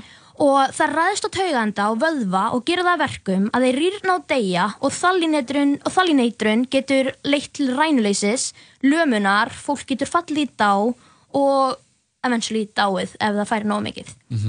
Auk þess kemur þallin ekki fram í venjulegri skemun og það þarf að prófa lífsýni sérstaklega af grunur líkur á þallineitrun. Já, það svona var ekkert búið að sjást fyrr. Nákvæmlega. Og Peggy var með 50 sinnum það magn af þallin í blóðinu sem er talið holt. Ah. Sem er talið bara safe eða þannig. Og það er ekki til neitt móteitur við þallinni og það er ekki hægt að lækna þig að þú fær þallineitrun. Þannig að ef þú fær nógu mikið eitur í þig þá er þetta bara döðadómur. Já, hún var bara döð húnna. Ekki alveg strax. Ok, en ok, ok. þetta er döðadómur því að veist, að þú færð það mikið að það þú degja bara fara vöðvarnir að rýrna hjartaðuðvinn og það. Taka allt blóðið út og setja nýtt blóð í staðinn. Ok. Svona transfusion. Er það ekki hægt? það væri geðvett að það væri hægt. Ég, Ég er ekki um- læknir. Já, það var ekki að þetta var hægt. En Ég er reyndar læknir. plottist lofa læknir. Nei, ekki alveg. En nokkrum dögum setna er sonur Peggy og stjúpsonur hennar, sem sagt sonur Pæ, lagðir inn með sömu enginni. No. Yeah. Með sömu enginni þallinitrunar. Peggy var á þessum tímapunkti búin að missa allt hárið og fjall í dá. Þetta eru sömu enginni og vorum að lýsa á þann. Og nú fór allir fókus á það að reyna að finna upptök eitursins og það var bara allt aðtöðað. Og því að þallin er þekktur meindireiðir að þá fóru þeir að skoða allan gróðurinn í kring og fóru að skoða ykkur appelsinu tré og aðtöðu hvort þeir var að nota þallin og appelsinu trén og það fannst ekkert. Þeir prófuðu drikjavatnið, það fannst ekkert. Rík og loftsinni voru tekin á heimilinu og heimilum í kring, það fannst ekkert. Og 400 hlutir úr búslu heimilisins, bara eitthvað svona, bara rustlið og mublunar voru teknar og svo sendar í, á tilraunastofu til að rannsaka þær Mhm. og það því tekur bara tíma að rannsaka 400 hluti. I can imagine. Yes. Það kom svo í ljós að fjölskyldinu hafði borist morðhótun fyrir nokkrum vikum í pósti sem stílað var á Pi Car og það hefði kannski verið betra að segja því stáðan að Pi er skrifað P-Y-E en svo sem var stílaði brefið stílaði það því P-E-E Já, bara- því bara Bara car kökubíl. Já, Kökubílinn. ekki högubíl Bökubíll. Bökubíllinn. já Pi car.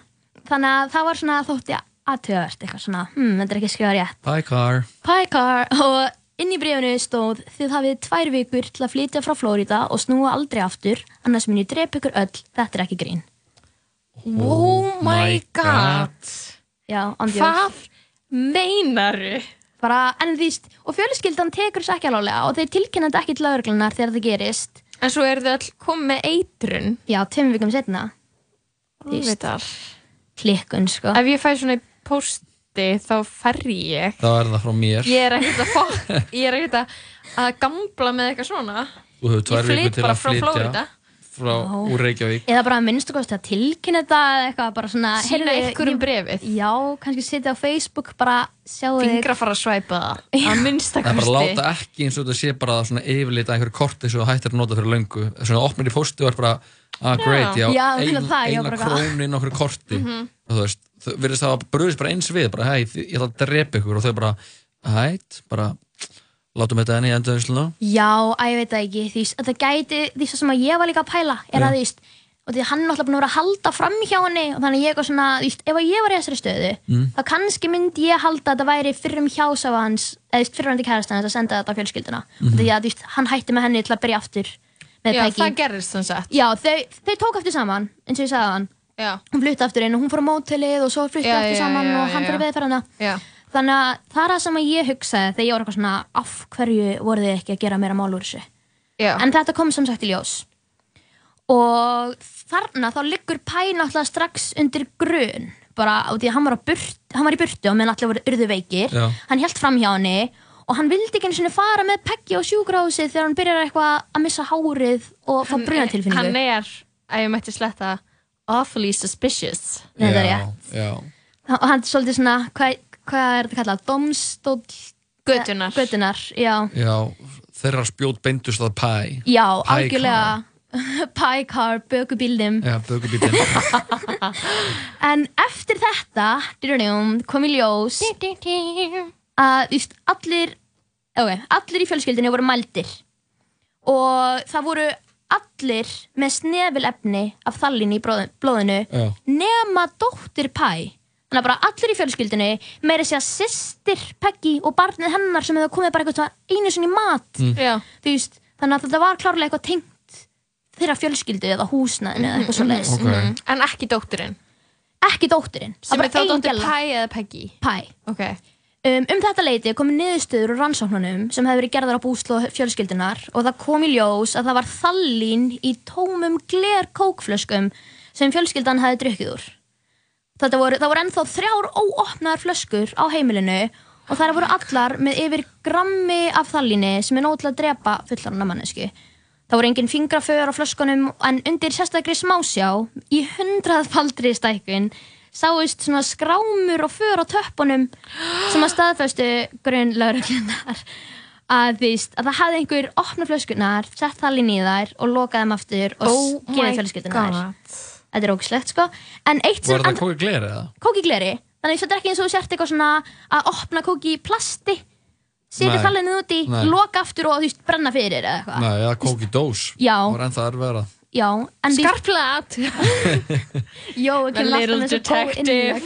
Já, ég tek að mér uh, rannsóknar laugustörf Já, en ándjóks, hlusta á þetta Ok En það sem að er svo merkilegt er að ef þú myndir bara taka þallín og kók og setja þallín út í kókið Mhm. Já. það myndi bara allt flæða yfir það myndi vera því það myndi og sjá. Svona gos, eins og og Mentos í mentos Pepsi. nákvæmlega. Já, já, já. og því þú myndir sjá bara mun á kókinu það myndi bara, liturinn myndi leysast upp og það myndi Mhm. bara koma já, bara Mhm. Ok. þannig að það myndir alveg sjá, þetta er eins og þú blandar því of miklu salt út í vatn eða, sandi eða sandi, töjói Snillingur. alltaf með góð innlegin Ekki mál en því, það var ekki þannig í kókinu sem það fannst Nei þannig að því Þú hlýtur að hafa verið efnafræðingur sem gerir þetta nákvæmlega því, sá Þetta var gott að- innlegg. þetta var gott innlegg Nóg að gáfa það. þannig að það var einhver sem var efna, með efnafræðikunnáttu Mhm. sem að opnaði kókflöskurnar og lokaði þeim aftur án þess að það sæjist nema í hundrafaldri stækkun Mhm. og því hann þetta þannig að það var ekki hægt að taka eftir að kókið var eitra Þetta er hvað ég meina Það verður fyrir mig mjög ein skæran Einbeittan Einbeittan. beittur brotavilji Já og þetta var, þessu var svona líst ef maður tekur þetta svona saman svona hnitmiðið lýsing þá býr þessi maður eða kona Mhm. eða hán sem að eitraði fyrir fjölskyldinni yfir mikill efnafræðikunnáttu fyrst hann valdi eitur sem að finnst ekki í ven- venjulegri skimun hann vissi að þallineiturinn væri ólæknandi Já. og hann náði að blanda það í kókið og losa tappan af glerflöskunum með svo mikil, mikil nákvæmni að það sást ekki nema í svona rafmyndasmjás já, Þú eða veist, þannig. hvaða illvirki Bara gerði Luthor. til þess að eig- eiga þetta skil, skilur? Yeah. þetta vera bara Bara Bond villain. Þetta bara er bara eitthvað svona þið megið veltaði fyrir ykkur Þú skiljið veist, hvað, haf, hvað hafði þessi fjölskylda gert til að segja, þú veist? Þetta er eins og þannig að, hvað er þetta, Despicable Me, þannig að vondi, þannig að teiknumyndin, það sem er svona ofur veist ekkert basic illvirki kallar á þessi viðbröð Nei. og þú þarfst alveg að vera next level twisted til þess að eiga þetta skilið það já, ég ætla að Jú, hana- þetta er ógeðslegt, finna eitur, ég þarf að gera þennan mjög, mjög nákvæman uppskurð á kókflösku. já, nákvæmlega, og líka þetta var sko því að þetta eitur er ólæknandi Mhm. og veist, það er ekki hægt að og þú, þú, það finnst ekki vennilegri skimun Nei. þannig að þú veist, þeir voru bara þeir vildu ekki, þegar það var verið að fjalla með þetta mál í fjölmiðlum og eitthvað Mhm. það mátti ekki segja hvað hann gerði svo að þetta myndi ekki finnast út af því að þeir voru svo hrættir um að þetta myndi bara að Blow myndi frétta þessu, Já, já, blow up og Mhm, mhm. fólk fara, þú veist konur fara að eitra fyrir köllunum sínum með því að setja þallín eitthvað. Eða eitthvað svona. Hvað getur maður samt fengið þallín? Þú lappar ekki út í búðu, ertu ekki ætla að fá þallín? Og það já, selt ætla að fá þarna ógeðslega eitrið sem drepur Já, það bannað í pikkar upp í bandaríkjunum. skimun. Hæ, er hægt að fá allt í bandaríkjunum? Nei, Þú getur pantað alltaf á Amazon Prime. Nei, þetta er, þetta er bannað í bandaríkjunum. Og það að er víst- krónunni. reyndar rétt, það er alltaf leiðilegt í Íslandi eins og við veitum en víst, þetta er, maður þarf að vera með eitthvað svona sérstök réttindi eins og það þarf að vera efnafræðikennari, efnafræði vísindabæður Þessi manneska er efnafræðikennarin í The High School Þetta in er the Walter White, spoiler alert. Og hvað, og hvað, og hvað, gerist? Hvað gerist? Hver gerði þetta? En heyrið, vó, ekki alveg strax. En þegar veikindi Peggy voru að byrja þá var hann alltaf óglatt og þegar maður er óglatt, hvað fæði maður sér? Hvað fæði maður Maður sér? fær sér kók. Þannig að hún drakk alltaf meira og meira kók og Nei. drakk alltaf meira og meira þallín Ah. Þannig að hún var alltaf Ákveðst að hlæja að þessu Jú, að bráða svo mikið Kvikindi þitt, Ingibjörg, þetta hlæja en að, hann að, Þú veist að hlæja mannesku sem er að drekka eitur bara að, að sturta í sig eitri. Ég heldur þess að siðblind Þetta kemur hörðist allavega Ok, það er bara roast, byrja hérna að tala saman. Nei, ok, ok Og hvað gerir svo? Munið eftir Dóttur Pæ sem veiktist ekki Já, Sigga, Sigga. Nei, hún var ekki með nafn Nei. En hún, hún vektist ekki Því að hún drakk bara sigurlausa góðstrykki Og var bara að drakka Ah. diet coke þetta kvöld Genius Andjóks, það borgaði sig að passa línunar sko. Já. Mhm. En já, ættu við kannski bara að dömbi eitt lag Þegar við höldum áfram Já, það kemur ljós hver eitraði fyrir karfjölskyldinni Ángríns. High Car. Herru, það er eitt legendary lag sem kom út á þessu ári 94 sem við höfum eftir að spila. Það er með hljómsveitin The Cranberries. Smá svona stemning fyrst að við erum að tala um eitur og eitthvað svona viðbjóður, já, zombie með Cranberries, tekum á þessu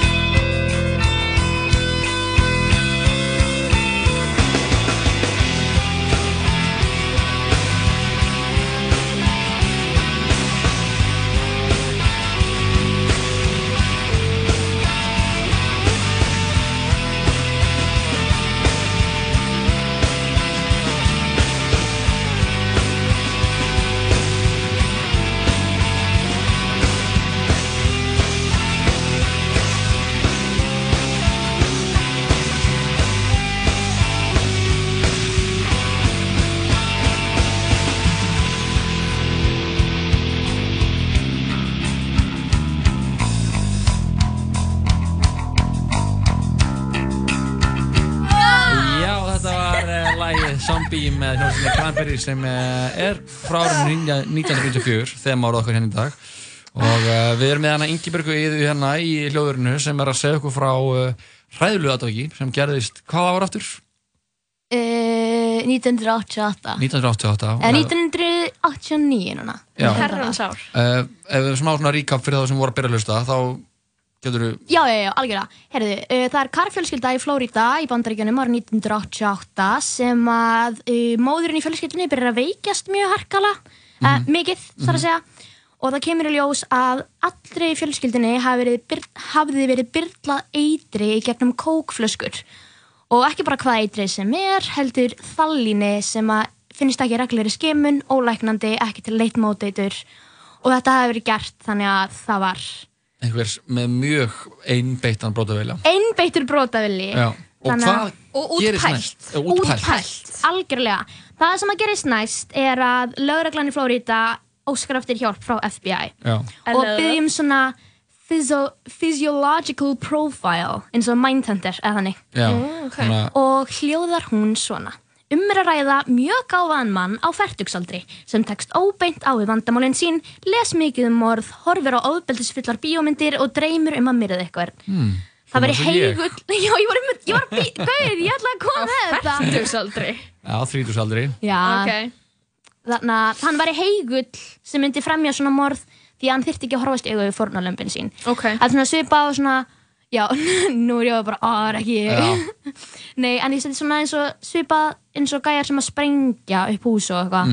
Og þú getur ekki, þú veist, hort í augun á manneskinu meðan þú stingur Nei, hana. en þú ert eitthvað svona, ég ætla að drepa hana en ég ætla bara að sprengja hana og því að þá þarf ég ekki að sjá það gerast. Já, já, já. En er þetta ekki líka bara, ég ætla að drepa hana en ég ætla að vera ekki caught. Já. Ég ætla ekki að vera gripin. Æskilur. Já, en þá myndir þú bara frekar losa þig við líkið held ég, þannig að hún sé alltaf Það er erfitt. Já, við slumum ekki fara að ok, núsa ok, til ok, þetta. fyrir ekki út í sporinu. Ok. Ég held að þetta sé kona. Og því að þau segja eitthvað, karlmaður færtisaldri er eitthvað, þetta er eins og konu glæpur, sko. Já, það, en það er nefnilega það sem ég hugsaði líka. Eitur er svona vopn kvenna í gegnum mannkynsjöuna. Nákvæmlega, það er Kvöldur rétt. hvenna ráð Kvöldur eins og hvenna einhver ráð eins og, er það ekki gíslasaga? Uh, jú, svona Var það ekki, það var auður? Nei. uh, Æ, Skiptir skiptir ekki máli. Haldur Ok, áfram FBI laði til að þau myndi yfirhæra alla nágranna fjölskyldunar því að það, það gæti enginn komið fyrir kókflöskum og heimilin þeirra án þess að en, enginn myndi fatta það nema þeir myndi vita hvernig enginn væri heima. Mhm. Sem myndi þekkja rútínu fjölskyldunar. En það bjó enginn í nálægð við fjölskylduna nema eitt par sem að bjó fyrir aftan þau. Og það voru Diane Carr, sem er bara tilviljun án heiti Carr, þú veist, það er Ok, ekki skild. ok. Og George Treeple? Treeple. Kannski, er bara, það er ekki pláss fyrir svona no, marga car í þessu hverfi. Ok, ég er umlega tilgjóta. Okay. Ég veit það ekki, þú mátt bara halda henni fyrir þig sko, við sjáum bara hvað gerist Allt hérna. fyrir að við þig fyrir bara fyrir þig Mhm. En Diane Carr var með masterskráðu í efnafræði Rétt Og var einnig bæklunarskurlæknir Mm. En George, George Trepal Hann stundum kallar Trepal og stundum Trepal Eða hvað, auðvitað ekki okay.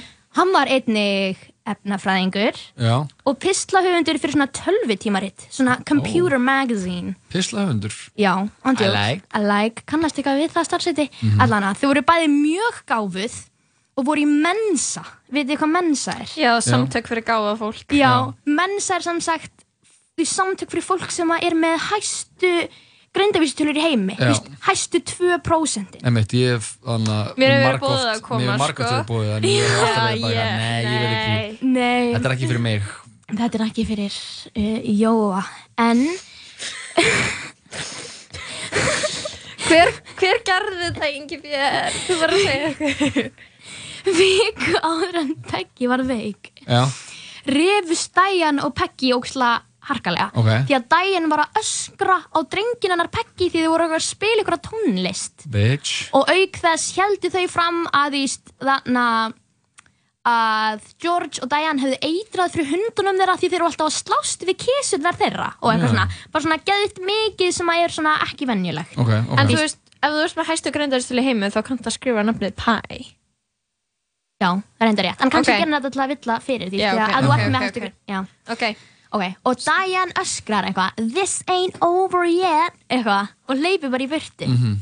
og lauruglan yfirhyrðu bæði og aðspurður segir George sá sem að eitraði fyrir þeim vildur bara að þeim myndi flytja og það kom svo í ljós að George Tripal hefði hlotið dóm fyrir að vera aðal efnafræðingurinn í stærstu amfetamínverksmiðju austur bandaríkjanum og rannsóknarlauruglan sem handtók hann sagði He's the best chemist I've ever met Þetta er bara eins og Walter White Ándjóks, þetta er svo mikil Walter White vibes Mhm. þannig að ég ennþá betur ástæði fyrir að taka þetta mál fyrir en 3. mars árið 1989 fjórum mánuðum eftir að það hafi verið eitrað fyrir henni dó Peggy Carr og nú var um morðaræða þannig að þetta var ekki lengur bara svona eitrun tilraun til manndráps, þetta var manndráp Bara R.I.P. Já. Peggy Carr R.I.P. Já. Yeah, R.I.P. in peace FBI fær konu að nafni Susan Coerk til að vera undercover innan í gæsalappa. Ég veit ekki hvernig maður myndi það á íslensku. Lein, leinlega Já. Já, ég. Veit Það ekki verið í, í dulagerfi Dulargerfi, æ, það er sanns og eitthvað yfirbúrst Nei, það er fyndið. Ok, Mhm. uh, Leita sér svona gleru með svona nefi og skeggi. Já, eins og hana Hann er stifið einhvern svona Þrjú börn undir riggfrakka Já Einn miða á bönnuðu myndina Nei, við hættum það Ok, FBI, FBI fær konu nefni Susan Coerk til að vera í dulargerfi í Mensa Já til að reyna að afla sönnunagagna sem myndi leiða til handtöku George. Hún fekk alls konar ráði líka frá hana The physio Physiological Profile um hvernig þetta hafa sér þannig að Mhm. þeim myndi ná vel saman Mhm. og hún fekk aðgang í mensa Já. og fór í svona Murder Mystery Weekend oh. sem að George og Diane voru gestgjafar Já What? Í nákvæmlega, eitthvað í mensa og bara, bara mensa fólki var bóðið George skrifaði allar morsögunar en þar að meðal var einn sem fjallaði um mann sem eitraði fyrir nágrununum sínum Ó, þetta er alltaf grunnsalegt Ég veit það, og líka bara eitthvað svona hann er að teki öll bóksin hjá FBI Suspicious. Já, bara eitthvað svona dýrk, dreymir um að myrða, eh, myrða eitthvað, eitthvað svona þú veist, uh, les mikið mm, les bækur, horfir á óbeldsfullar bíómyndir og eitthvað Mhm. Já. og þú veist, og hann er að teki öll þessi bók Já, hann er er cr cr crazy creep. Crazy creep, ándjóks Super smart. Og, en eftir þessa helgi voru Susan og George hann er góði vinnir og þetta heldur áfram í ár því að þú strókslega erfitt að vera eitthvað að líka hann við þetta. Mhm. strókslega erfitt að sanna það að einhver hafi eitrað fyrir einhverjum. Já, sérstaklega það voru engin fingra fyrir á kókflöskunum eða neitt. Já. En ári eftir að Peggy dó fluttu Diane og George í burtu og góðvinkuna hjó, hjóna Susan Coerk leigiði húsið af þeim, gamla húsið? Já. Hún flutti inn áður en að hjónin höfðu náð að flytja allt út sitt út. Og þá um leiði bara allir ansóknarlörglumenn fóru bara og svæpuðu húsið og í vinnustofun hans þá fundu þau flösku af þallíni sem, sem var svona í bílskurnum sem var vinnustofun hans. Mhm. og þá fekk lögreglan neildarheimild til að leita í nýja húsinu þeirra og þar fundu þau dagbókin hans George sem hann hefði nefnt General Poisoning Guide og þar var vel hans blaðsína, blaðsíða úr handbók svona fyrir rannsóknarörglumenn sem að bara yfir, yfir heitið Death by Poison og svo blaðsíða um þallín og áhrif þess að innbyrða þallín.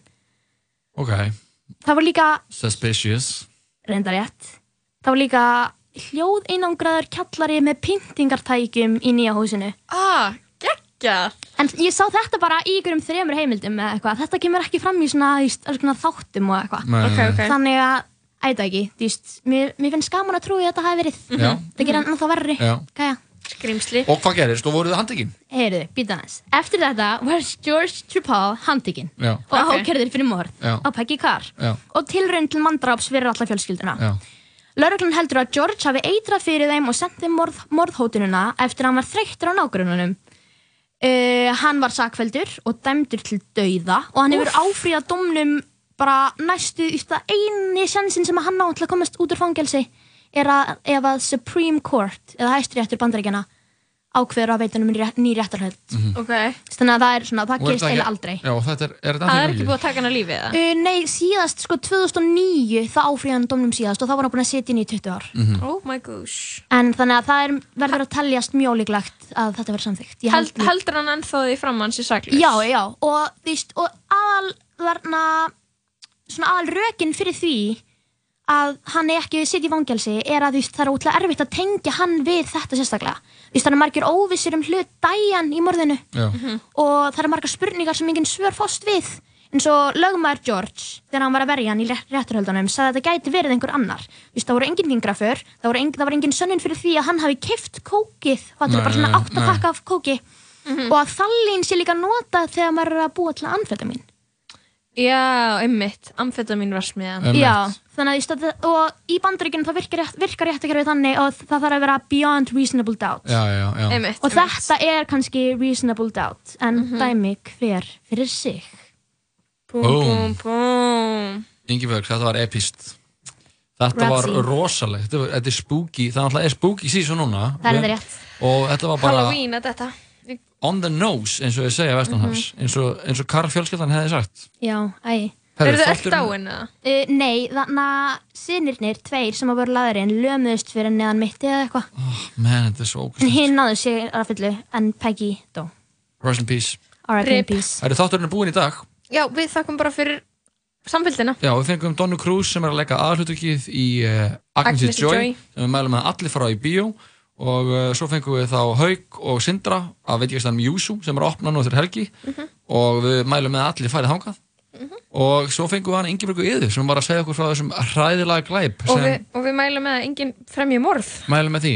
Uh, árið í tónlistavælunu í þessum þætti var 1994 og uh, já það var merkur tónlistamæður sem gátt sína einu plötu á þessu herrans ári og lest uttur síðar Jeff Buckley gátt plötuna Grace árið 94 og uh, þetta lag er í lengri kantinum en enda á því. Þetta er með mestarunum sjálfum og heitir Halleluja